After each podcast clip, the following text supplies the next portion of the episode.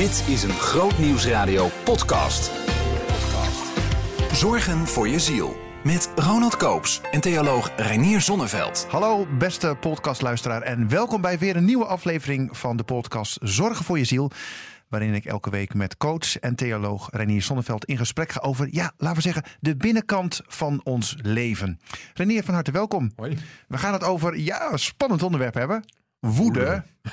En we gaan het dit keer iets anders doen, want eh, we gaan er een aantal nuttige dingen over zeggen.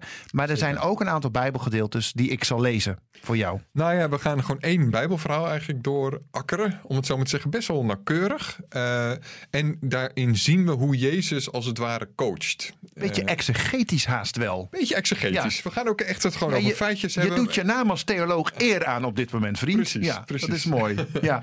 Hey, maar woede, wat, woede, wat heb je eraan? Wat heb je ermee te maken? Ik, Ja. ik heb heel veel vragen, maar Nou ja, weet je waarom ik het eh, wil aankaarten? Is omdat eh, ik, ik probeer hier altijd onderwerpen te laten eh, aan, te kaarten waarvan ik het gevoel heb dat ze leven. Dat ze als het ware in de lucht hangen. Dus als ik veel mensen spreek die iets inbrengen, dan op een gegeven moment denk ik: oké, hier is iets en hier, Ja. hier moeten we iets doen. het was niet zo dat je mij zag dat je dacht, oh, woede, daar moeten we het over Ja, ik hebben. word onwijs pisseling van jou. Als je Ronald ziet, dan zie je woede, frustratie. Nee, het, het- en op dit moment hangt er woede in de lucht. Eh, Op allerlei manieren. Het begon ik twee, drie jaar geleden. Hadden we al de gele hesjes. We hebben heel veel demonstraties gehad hè, van de juffen en de meesters en de boeren. En natuurlijk in deze coronatijd zie ik het ook weer op allerlei manieren. Dus er is veel boosheid. Eh, Letterlijke demonstraties. Maar ook wel eh, op social media. Weet je, het is, ik heb gewoon nog nooit zoveel boze mailtjes gehad van mensen die echt verontwaardigd zijn over dat ik iets gezegd heb. Ik denk wel eens, hoe kun je nou boos op jou zijn? Maar goed, Ja, dat snap ik ja. dan niet zo goed. Maar dat kan dus. Nou ja, mensen, het- heeft alles mee te maken dat mensen zich bedreigd voelen in deze eh, periode. En dan ga je in een soort eh, nou ja, vlucht-vechten houding zitten. En dan kan het vluchten, voor een deel vluchten zijn. Dus mensen kruipen weg. En het wordt voor een deel vechten. En dat is dan boos worden. Ja, dat zijn van die reflexmatige dingen inderdaad, hè, die we dan Ja, doen. dus een soort overlevingsstand. En ik denk dat je daar ook al meteen een deel van de betekenis hebt van woede. Want nou ja, de, vorige podcast toen zei je al grappig van, eh, grappend van... nou, we gaan het volgende keer over woede hebben. En ik hoop niet dat je gaat zeggen dat het allemaal niet mag. Want er zit natuurlijk iets... Woede is oorspronkelijk geschapen als iets gezonds. God heeft ons niet die emotie gegeven van... nou, ik ga je zijn emotie geven en is per definitie fout. Het is denk ik bedoeld om ons te beschermen Waartegen dan? Tegen onrecht. Dus het is, het, het is, het is, ons, eh, het, is onze intuïtie en ons vingerspitsengevoel, zal ik maar zeggen, voor onrecht en voor kwaad. Ja, oké. Dus wat doen we als we dat zien? Dan worden we boos. Dan vind, dan, eh, en dat zit heel diep. Ja, Weet woede je? kan ook echt dingen in gang zetten natuurlijk ook, hè? Ja, zeker. Dus als, als we niet woedend zouden zijn, zou het onrecht blijven bestaan. Ja, het zou misschien nog kunnen uitsterven, maar voor de rest er zou veel meer onrecht in deze wereld zijn. Dus je ziet ook dat alle grote leiders die eh, echt iets veranderd hebben in het leven, maar ook gewoon kleine vaders en moeders en gewoon kleine mensen. Als, die, als je iets verandert in je leven, zit er ook bijna altijd ergens een, een moment van woede. Ja, dat of op zijn minst een soort heilig ongenoegen. Dat je zegt, Ja. dit kan niet langer bestaan of zo. ja, maar, en ik, maar ik vind die een beetje te soft. Want ja, heilig bedankt. ongenoegen, ja. Een heilige woede. Heilige woede. Ja. Eh, Ja, het is ongenoegen, maar er zit ook bijna altijd wel echt flink gemopper in jezelf bij. Hoe heilig jij ook bent. ik, zou zeggen, zeggen dat het Meneer, dankjewel. is. Volgende week praten we verder. Dus er zit iets goeds in. Ja, Eh, en tegelijk zien we... De, eh, nou, het is ons, ons, eh, onze emotie om slachtoffers te beschermen, om het zo maar te zeggen. En dat is goed. En tegelijk bestaat er ook zoiets als een slachtofferrol. We hebben ook allemaal wel het gevoel dat, dat woede ook wel eens overdreven kan worden. Dat het te veel kan worden. En dat mensen erin blijven hangen. Dus dat woede omslaat in zoiets als rancune of wraakzucht. ja, want rancune betekent dat je erin blijft hangen. Dat je jezelf positioneert en ziet als, als slachtoffer van een situatie. Of, Of van, een ander voortdurend ziet als slachtoffer. En, en, en, en wat er nou eigenlijk gebeurt is dat het dus niet meer een oplossingsemotie is. Dus woede wil ingrijpen. Hè? Dus die wil, het is, je, wil iets, je wil dat onrecht kapot maken. Dus je wil iets doen. Maar wat er gebeurt op het moment dat je erin blijft hangen... dan wil je het niet echt meer oplossen. Je beweert vaak van wel. Dus voor de bühne zeg je nog van wel. En ben je er voortdurend over aan het klagen. Maar een kenmerk daarvan is op het moment dat het zou zijn opgelost, en dat gebeurt regelmatig, dan is er echt een minuut later is er alweer een ander probleem. Ja, maar bla bla bla bla, bla. Ja, want het geeft ook een, misschien een stukje veilig gevoel of zo. Dit is- Exact. Er is hier de- de woede of dat slachtofferschap wat erbij hoort, geeft jou, heeft, heeft, geeft jou op zich bepaalde voordelen dan. Dat is er aan de hand bij een slachtofferrol. Dus wat gebeurt er? Maar even terug, wat Nou? voor voordelen moet je denken dan bijvoorbeeld? Nou, bijvoorbeeld als jij altijd slachtoffer bent, dan word je heel snel geholpen. Ah, dus het is, ja, ja. het is wel lekker. aandacht Je krijgt en- aandacht. Je wordt vaak geholpen. Het geeft jou een soort morele superioriteit. Dus het geeft jou... Je kan altijd zeggen van ja, die andere is slecht. Het ligt nooit aan jou. Dus, Dus jij wordt wat hoger dan. je wordt wat hoger, dus het is een soort manier om jezelf... eh, Als je een beetje minderwaardigheidsgevoelens hebt... ja, dan ga je gewoon slachtoffer zijn... of heel boos om onrecht te worden... want dan kun je nog een beetje je superieur voelen. Ik zeg het een beetje cynisch, maar het- Ja. ik, ik- je ziet nou eenmaal ook het gewoon heel vaak... op een hele nare manier functioneren. Waarbij mensen een van de mooiste dingen die er is... namelijk opkomen voor slachtoffers...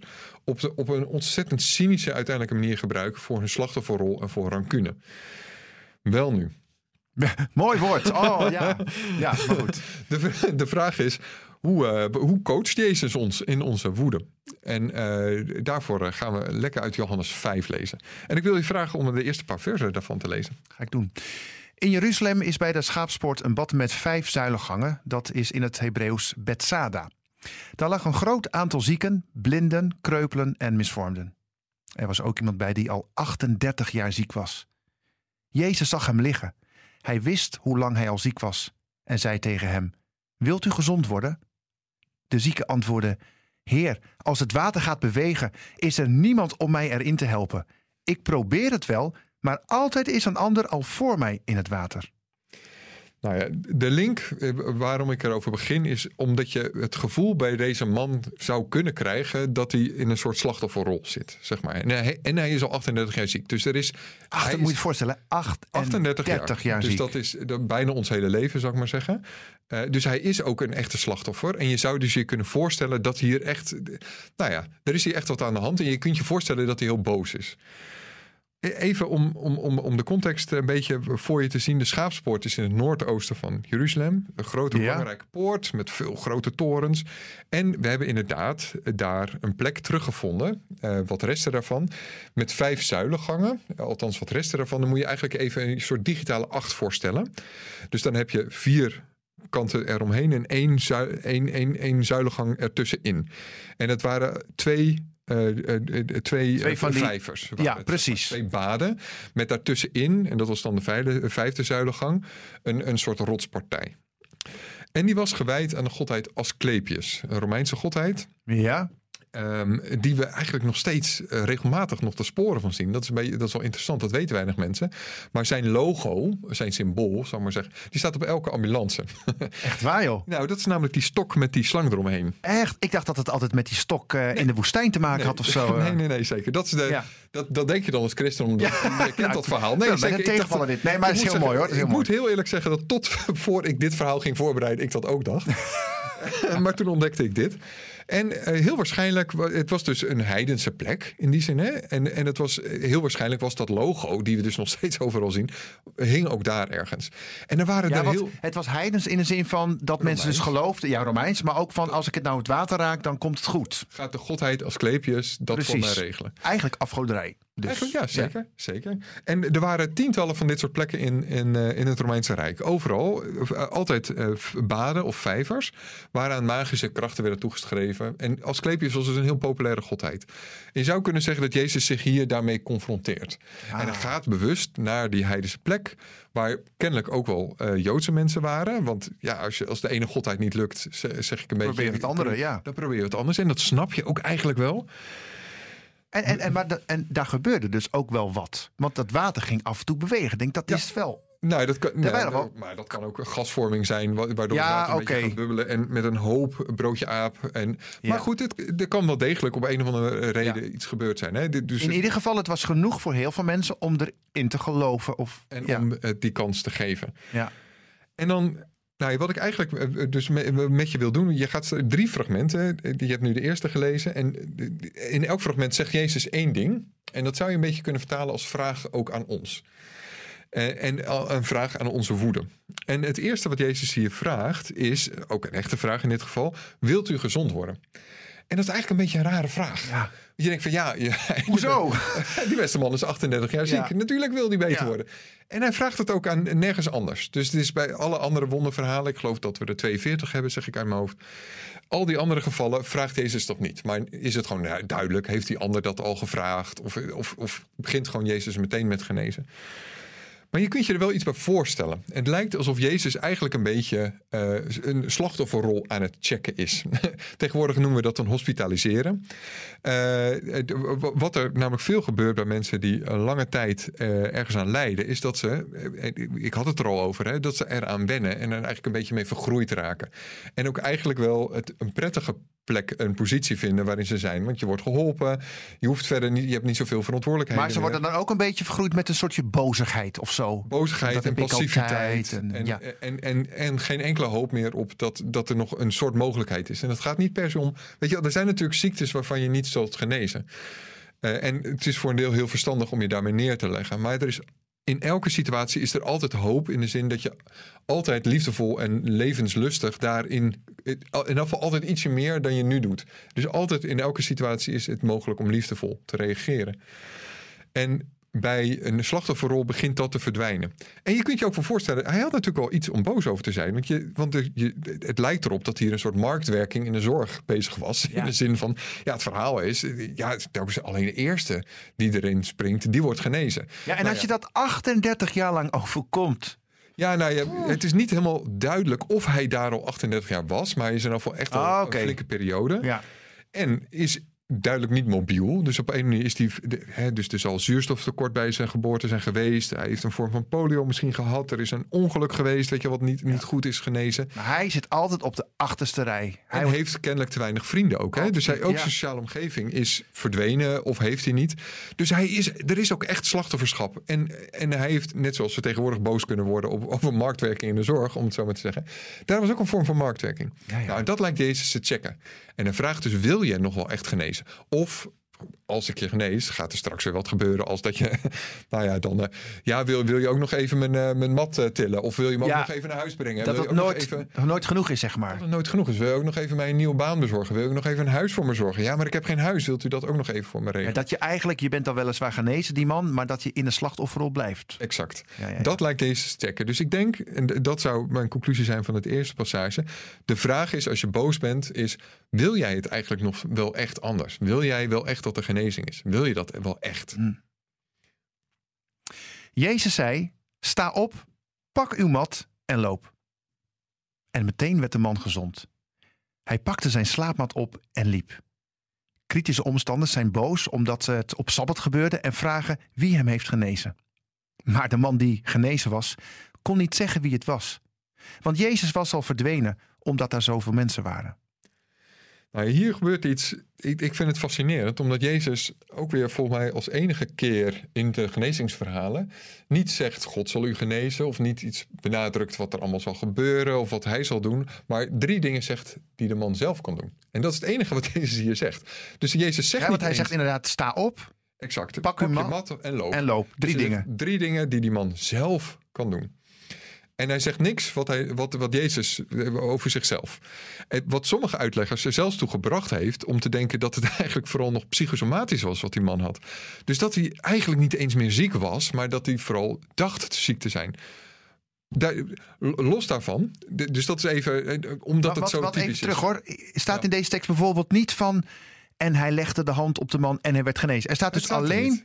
Het Sta op, pak mat en loop. En dat hij genezen is, inderdaad. Maar ja, wat, wat is er precies aan de hand? Ja, ja, ja. Laten we ervan uitgaan dat het, dat het wel een echte lichamelijke ziekte was. En dat hij wel echt genezen is in die zin. Psychosomatisch loopt natuurlijk ook is, loopt heel ingewikkeld door elkaar. Hè? Dus dat is, ja, iemand, dat is ook heel echt. Ja. Weet je wel, mensen denken ook echt dat ze het niet kunnen. ja. Dus, We zijn ook zo'n verschrikkelijke eenheid met ziel, lichaam en geest Nou ja. en alles. Dus ja, ja, dus, ja. dus in elk geval is het heel opvallend. En dat vind ik heel wijs. Dat Jezus alleen maar drie dingen noemt die een man zelf kan doen. 38 jaar iets niet kunnen doen. En nu noemt hij. En dat, nou, dat zegt wat mij betreft heel veel. Nou, Je- Jezus doet het vaker. Laat, laat ik het daar eerst over hebben. Want ik zie regelmatig dat Jezus bij een wonder. Hij zegt voortdurend tegen mensen: eh, volg mij. En dan moeten ze hem letterlijk volgen. Ja. Komen ze erbij. Dan worden, komen ze in zijn klas, zal ik maar zeggen. Worden zijn discipel of leerling, zijn student. Maar regelmatig als mensen genezen. dan zegt hij niet volg mij, maar zegt hij ga naar huis. Dus dan zegt hij eigenlijk per consequentie volg me niet. Natuurlijk wel een geestelijke zin, wel, maar- ze ja. moeten geestelijk Maar niet zijn, fysiek, letterlijk. Maar niet fysiek worden. Dus ook, en- Waarom is dat, denk je dan? nou ja, ik denk dat het ermee te maken heeft dat op het moment dat je. ehm, nou, het heeft wat je, wat je een redder-slachtoffer-dynamiek kan noemen. Ik, ik zeg het een beetje chic, maar ik denk dat je het zelf wel hebt meegemaakt. Dat op het moment dat je je kinderen ergens mee helpt. of iemand die op een andere manier hulpbehoevend is. dat het soms lijkt dat diegene daar passiever van wordt. Ja, ja. En, eh, en, en, en eigenlijk alleen nog maar steeds meer achteruit gaat zitten. En jij gaat steeds harder werken. En diegene Ja, ja, gaat ja. steeds passiever worden. ja. En ik denk ook wel dat je dat. Elk geval, ik ken dat ook wel zelf. Dat, ik voel me dan ergens vervelend onder en ik vraag iemand om hulp. En dan je voelt je ook steeds machtelozer op een bepaalde manier. Mensen gaan je helpen en, je voelt, en, als, en dan is het ook als het ware dat de energie uit je, uit Ja. je wegzakt. En je, en je voelt je ook lullig en slap en moe. En het wordt alleen maar erger. Ja, dat heb ik als ik, als ik eh, ziek ben. Als ik bijvoorbeeld een griepje heb of iets. En, en, nee, maar wat, wat lach je nou? Word je zo onzeker van? Nee, nee maar. Nou ja, nou ja, nee, maar dan doen andere mensen jouw werk. Iemand anders moet mijn programma overnemen. En akelig gewoon. Nee, denk ik van... nou, Ja, en het, het valt. En alleen al daardoor voor die rol voel je steeds passiever en Ja. word je steeds passiever. En, en dan kan je dus in een dynamiek komen waarbij de redder zeg maar steeds meer doet. En de slachtoffer steeds minder doet en steeds minder Ja. weet wat hij kan doen. Nou ja, ook, ook dat zou je een vorm van hospitalisering kunnen noemen. Je went er als het ware aan aan die rol. En wat Jezus hier lijkt te doen, is dat bewust doorbreken. En dat lijkt hij ook bij die andere mensen die hij geneest. Bewust dus die afhankelijkheid die mensen aan hem hebben, dat te doorbreken en eigenlijk mensen emanciperen. Ja. Zeggen van, dit kan jij zelf. Zo van, ik heb je genezen, maar jij gaat nu zelf lopen. Jij pakt Ja. zelf je mat op. En ja, En, en, en je zult naar huis moeten gaan. Want dat is wat die man uiteindelijk gaat doen. En ehm, nou ja, daar, zit, daar zit dus echt nou ja, krachtgeving in. En ehm, nou ja, ik denk dat, dat daar ook dat daar wel een soort les in zit. Dat soms geloven of, en het ervaren van genade van God... en, en het, besef van dat je afhankelijkheid van God... eh, dat je afhankelijk van God bent... dat het ook soms passief kan maken. En dan is de boodschap van God dus niet zozeer... ja, weet je, weet je nog afhankelijk van God? Nee, besef even hoeveel je ook zelf wel degelijk kunt. Dus de God, zoals Jezus dat hier doet, emancipeert op dat moment juist. Kijk eens wat je Ja. allemaal zelf kunt doen. Dus de vraag, denk ik, die Jezus aan jou stelt... op het moment dat je een bepaald slachtofferschap ervaart of ziet... Of, en dat je daar woedend over bent of boos over bent of verbolgen... is wat kun jij zelf dan? Oké, je weet heel goed wat Den Haag allemaal Ja, anders ja, moet doen. klopt. Je weet heel goed wat de anderen allemaal moeten doen. en dat wat klopt inderdaad niet. Eens. Zeker, maar wat kun jij zelf? Ja, ja. Later kwam Jezus hem tegen in de tempel en toen zei hij tegen hem: U bent nu gezond, zondig daarom niet meer, anders zal u iets ergers overkomen. De man ging aan de Joden vertellen dat het Jezus was die hem gezond gemaakt had. En vanaf dat moment werkte zij hem fel tegen. Nou, er is dus iets bijzonders gebeurd. Jezus is dus de vorige keer zelfs zo snel weggeglipt dat hij niet eens zijn naam had gezegd. Dus dat is ook weer dat emanciperen. Hè? Dus die man wist niet eens wie hem beter had gemaakt. Hij wist niet eens wie die moest volgen. Bedankt. eh, oh, hij is alweer weg. Zo, Exact. ja. Jezus was echt weg, is echt weggeglipt. Dus het was onmogelijk voor die man om hem te volgen. Nou goed, die man gaat eh, bijna onverrichte zaken weer terug waarschijnlijk naar zijn geboortedorp, naar zijn familie, bouwt een soort bestaan op, eh, vindt waarschijnlijk weer een vorm van werk. In elk geval wordt hij, krijgt hij een bepaalde zelfstandigheid weer en komt op een dag weer op een religieus feest in Jeruzalem in de tempel en herkent daar opeens die Jezus, het zal een half jaar, jaar, misschien jaren later zijn Die geweest, hem genezen heeft. die hem genezen heeft. En hij denkt, nou, oh, weet je wel, wat is je naam? Wat is hier gebeurd? Ja. Weet je wel? En dan zegt Jezus iets wat, wat best wel streng overkomt. En ik herinner me uit mijn jeugd dat dat ook best wel eigenlijk heel pittig werd uitgelegd. Jezus zegt, zondig niet meer, want dan ga je iets ergers overkomen. Wauw. In mijn jeugd werd, werd dat uitgelegd als van... ja, nou ja, eigenlijk eh, had die man dus 38 jaar geleden gezondigd. Hij had iets stoms gedaan en daardoor was hij ziek geworden. En die uitleg kan niet kloppen, om heel veel redenen niet. Jezus benadrukt regelmatig dat zonde en ziekte... ja, die kunnen soms gekoppeld zijn. Ja, je kunt stomme dingen doen waar, waar je zelf onder lijdt, om het Ja. zo maar te zeggen. Maar er is ook heel veel tragiek in het leven. Er is ook gewoon heel veel domme pech, om het zo maar te zeggen. Ja, ja. Bijvoorbeeld in Johannes 10, gewoon vijf hoofdstukken later als dit. Hè, dan is er een blinde man en dan, dan vragen de leiders van... eh, ja, is dat, eh, is dat om zijn eigen zonde of om eh, de Of zonde van zijn ouders? Ja, ja, ja, ja, ja. En dan zegt Jezus nee en dan geeft hij een andere reden. Eh, Ergens in eh, Lucas 13 staat dat. Het is een passage waarin het gaat over onder andere eh, over een ongeluk wat bij de tempel is gebeurd. Er is een, een toren ingestort. Pilatus heeft een aantal mensen uitgeroeid. En dan wordt er ook weer gevraagd, lag dat aan hunzelf? Nee, zegt Jezus, dat was niet hun eigen schuld. Eh, dus Typisch trouwens oftewel- ook menselijk, hè? om altijd een soort oorzaak aan te wijzen. Zeker, Ja. zeker. Er moet altijd een concrete schuld zijn. Ja. En dat doen we dus ook vaak bij ziekte. Maar er is een enorme tragiek in het leven. En Jezus zegt dan ook niet, als je zondigt, zul je weer ziek worden. Nee, dan, hij zegt, het interessante is, dan gaat je iets ergers overkomen. Er is blijkbaar dus nog iets ergers dan wat die man 38 jaar heeft meegemaakt. Oh, ja, ja, ja. Wel nu, wat is dat dan? Nou ja, Jezus heeft het er eigenlijk regelmatig over. Hij heeft het over, ja, je, bijvoorbeeld, je kan schade lijden aan je lichaam. Maar je kunt ja. Schade aan je ziel. Ja, precies. Dus eigenlijk voor een deel het thema van, van deze hele podcastreeks. Hè? Dus ja, we zorgen voor ons lichaam. Big deal, doet ertoe.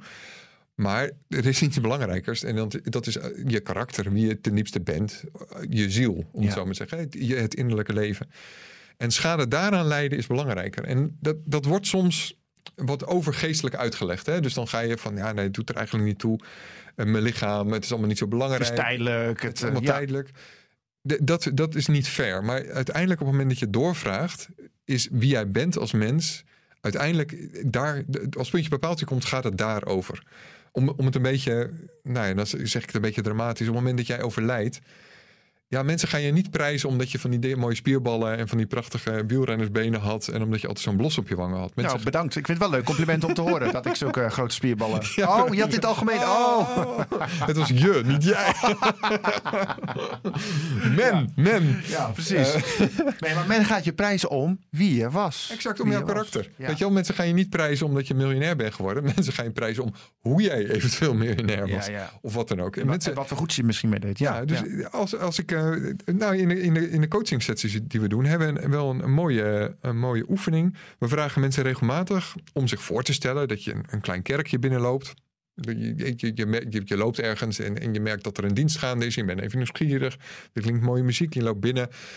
En er is een toespraak gaande. En je pakt de liturgie. En, en je ziet daar... En je denkt, oh, dat is een begrafenis. En je ziet daar je eigen naam staan. Oh, dat bekende voorbeeld van Stephen Covey ook inderdaad. Exact, van ja. Kofi. Begin met het einde voor ogen. Ja. Exact, begin met het einde voor ogen. En wat hij dan doet, is je eigenlijk voor te stellen van... wat zou nou je ideale begrafenistoespraak zijn? En dan, in mijn eerste intuïtie is dan... ja, dan gaat iedereen allemaal onmogelijke dingen opschrijven van... eh, ja, nou, het was zo'n... het- Inderdaad, het was een miljonair of iets dergelijks... en wat heeft hij toch allemaal goed gedaan? Ik heb de oefening nu honderden keren eh, laten doen... en zelf ook gedaan. En niemand schrijft dat op. Het gaat allemaal over... wat was het een lieve vriend? Wat Over was de binnenkant eigenlijk, hè? over de binnenkant. Het gaat allemaal over de ziel. Het gaat niet over het lichaam. Niemand schrijft op, joh, wat had hij, eh, nou, eh, wat had hij toch een prachtige neus en wat zat zijn haar altijd, altijd, altijd, altijd lekker.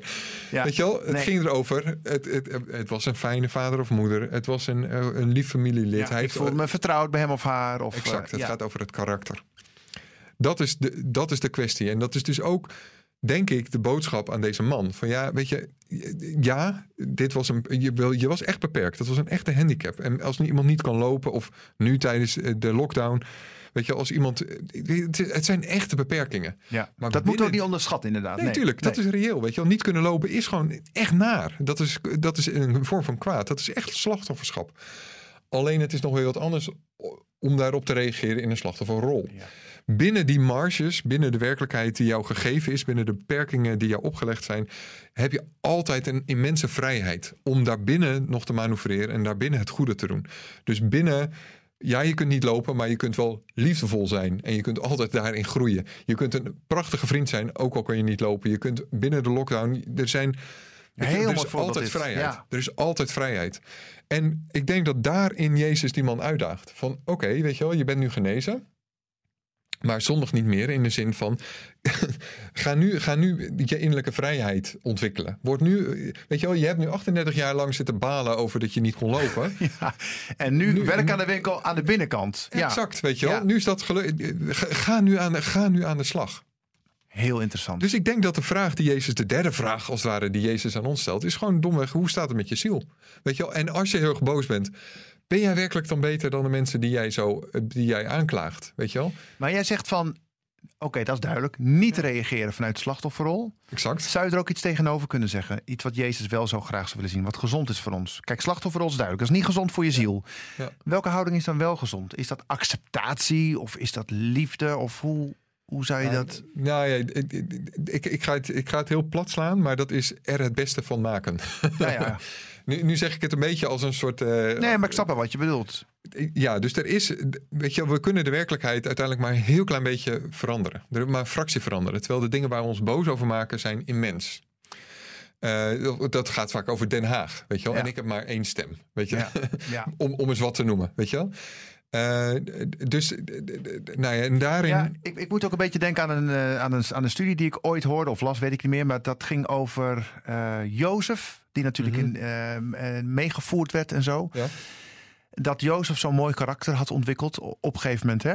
dat is zijn uiteindelijk, broer, uiteindelijk. En, Ja. en, en, en, en toen zei die spreker, vond ik heel mooi. Jozef onderwierp zich niet aan, ehm, aan het regime. Dat het, Mhm, Maar hij onderwierp zich aan God in de omstandigheden. Zeker. En, dat vond ik heel mooi. Nou, dat, dat is de hele kwestie. Dus binnen de omstandigheden probeer je er, nou ja, onderwerp je aan God. Probeer je zo liefdevol, probeer je te groeien als mens.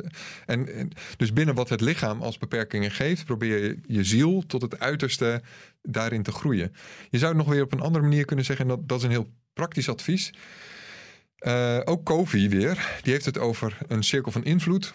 En een Ja, cirkel van van, betrokkenheid. eh, van betrokkenheid. En be- die cirkel van betrokkenheid is vaak immens. Weet je wel, ik kan mij, nou ja, letterlijk, eh, vanochtend heb ik, eh, heb ik een film zitten zien hoe, eh, hoe vluchtelingen uit Syrië in, in, eh, uiteindelijk in Europa aankomen. En dan daar heb ik, ben ik betrokken op. Daar voel, en daar voel ik me tegelijk machteloos bij, want er is En heel boos. weinig Ja. en boos en van alles en nog wat. Want daar kan ik heel weinig aan doen. Ehm, mijn cirkel van invloed is veel kleiner. Wat ik kan doen, en dat heb ik ook letterlijk gedaan, is een vluchteling bij ons in de buurt een, een dichtbundel geven. Weet je wel, hij woont niet bij mij. Ik, eh, ik, ik, ik moest zelfs zijn naam nog nazoeken, omdat ik die niet eens kende. Maar ik wist dat hij net een status had gekregen. Ik dacht, jij woont hier nu en ik ga jou expliciet welkom heten. Dus ik geef jou ja. een dichtbundel van Judith Herzberg. Gewoon eenvoudig, helder En Nederlands. dat is die cirkel van invloed. En dat is de cirkel van invloed. Dat kan ik doen. Ik kan niet mensen eh, op de eh, Middellandse Zee redden. Nee, dat, dat is niet- zegt eigenlijk in het kort: je kunt je heel erg druk maken over heel veel dingen waar je niks aan kunt doen. Of eh, gedrag van anderen in het verkeer. Zeker. Gaat je niet helpen. Ga je Zeker. concentreren op de dingen die jij wel zelf kunt veranderen Exact. voor je omgeving. Eigenlijk is dat de tweede, de tweede vraag die Jezus stelt. Hè? Dus de eerste vraag is dan van oké, wil je wel echt genezen? En de tweede vraag is wat kun jij doen? Dat Kofi zou zeggen, dat Jezus vraagt daar naar je cirkel van invloed. Ja. Dus je, wat Jezus tegen die verlamde man zegt is, sta op, pak uw mat en loop. De cirkel van invloed van die man nu maken. Heel klein, heel beperkt. Hij zegt helemaal niet, ga nu een heel nieuw leven opbouwen en, en ga nu een huis bouwen en, en, en, en zoek een vrouw en weet ik wat. Nee, Het is heel helder beperkt wat hij nu op dit moment kan doen. Nou, dat is denk ik de vraag hier en nu aan ons. Hoe kun jij hier en nu opstaan en je mat pakken en gaan lopen? Ook al kan het niet letterlijk, hè? Nee. Ik bedoel, een deel van de mensen is zo gehandicapt dat je niet kan lopen. Of is zo beperkt dat je niet kan lopen. Maar je kunt dus altijd een vorm van oppakken en, en, en, en sta- gaan staan en gaan lopen. Er is altijd een vorm van beweging Ja. ten goede mogelijk. Weet je waar ik ook even aan moet na, over moet denken? En daar moeten we maar een beetje mee afsluiten ongeveer. Eh, Dat vond ik zo indrukwekkend. Dat was, ik geloof, de zus van Corrie ten Boom. Ja, Die heeft eh, in, in zo'n ja concentratiekamp. zeker. Ja. En die zei, en vond ik zo bijzonder, die zei van eh, de Duitsers hebben me uitgekleed. Ze hebben Mhm. me eh, uitgescholden. Ze hebben me eh, kaal geschoren. Mhm. Maar zij zei ook heel, ehm, heel krachtig van, maar zij konden niet mijn waardigheid afpakken. Exact. Dat heeft zo'n, ik krijg, als ik het vertel, krijg ik Ja. kippenvel. Dat vond ik zo'n les, weet je wel.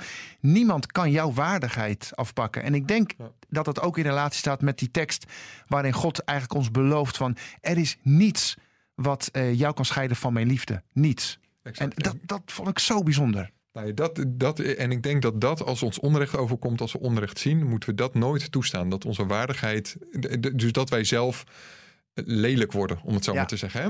Ja. Dus blijf altijd, hou je hoofd recht, blijf altijd waardig en, en overwin in die zin het kwade met het goede. Renier, dankjewel. En voor de mensen thuis zou ik bijna zeggen, vind je dat geen goed idee? Van eigenlijk moet je nu even een half uurtje gewoon niks doen of zo. Hè? Gewoon even. Even Ja. het op je in laten werken. Zeker, Ja, lijkt me prima idee. gaan we doen. Luister ook elke vrijdag naar de rubriek Zorgen voor je ziel in de Nieuwe Morgen. Bij Grootnieuws Radio. Behoefte aan meer? Grootnieuwsradio.nl slash podcast.